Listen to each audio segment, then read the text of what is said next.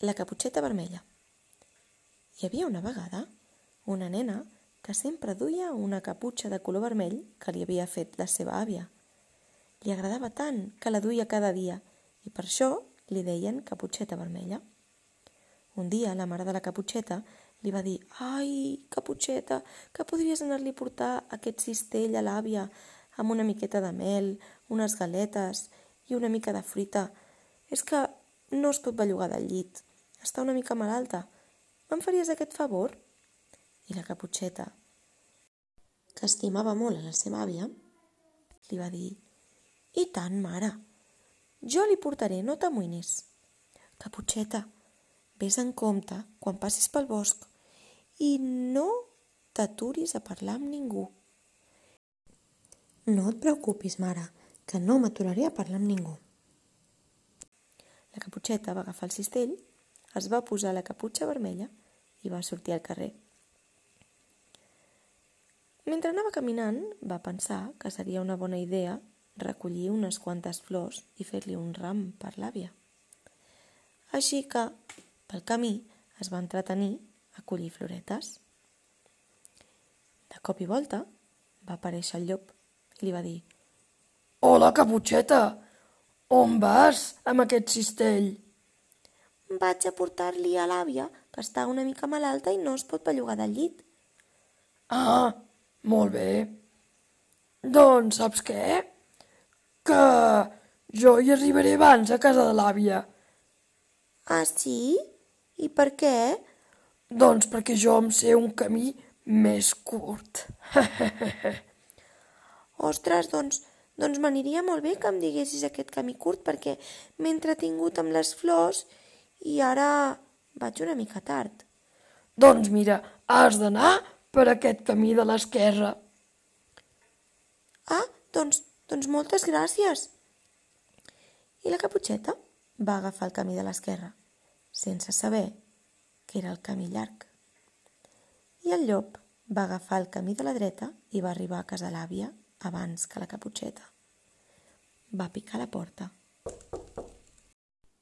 I l'àvia va preguntar «Qui és?» El llop va afinar la veu i va fer Soc la caputxeta vermella. I l'àvia li va contestar «Passa, passa, que la porta està oberta». El llop va entrar i quan l'àvia va veure com entrava, es va amagar dins l'armari. El llop, quan va entrar i va veure que no hi havia ningú, es va estranyar. Però, com que sabia que la caputxeta no trigaria gaire en arribar, es va afanyar a posar-se una camisola i un barret de dormir de l'àvia i es va posar dins del llit i es va tapar amb l'adrador. Al cap de molt poca estona va arribar la caputxeta. Qui és? va fer el llop afinant la veu. Soc la caputxeta vermella, àvia. Passa, passa, que la porta està oberta. La caputxeta va entrar i va deixar el cistell sobre de la taula i es va apropar al llit. Però va notar alguna cosa en l'àvia que no era normal i li va dir «Àvia, quines orelles més grosses que tens!» Mm, són per escoltar-te millor, filleta. I, I, àvia, quins ulls més grossos que tens! Oh, són per veure't millor, filleta. I, àvia, quines dents més grosses que tens! Són per menjar-te millor, va fer el llop i va saltar del llit i va començar a perseguir la caputxeta per tota la casa.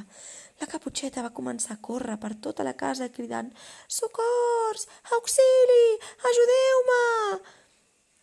Just a fora hi havia un llenyataire que va sentir el rebombori a la casa de l'àvia. Un rebombori que no era normal a casa de l'àvia. Així que es va apropar a la casa i va mirar per la finestra. Quan va veure el llop empaitant la caputxeta, va entrar per la finestra i va començar a cridar «Llop, fuig d'aquí! Fuig d'aquí, dolent! Marxa ben lluny, no et volem veure mai més! Com t'acostis gaire, no vols pas saber el que et faré. I el llop, quan va veure el llenyataire amenaçar-lo d'aquella manera, va arrencar a córrer i va marxar ben lluny d'allà. Va marxar tan lluny que ningú no l'ha tornat a veure. Aleshores, l'àvia de la caputxeta va sortir de l'armari i li va fer una forta abraçada a la caputxeta. I la caputxeta i l'àvia van convidar el llenyataire a berenar galetes, mel i una mica de fruita per agrair-li que hagués fet fora el llop.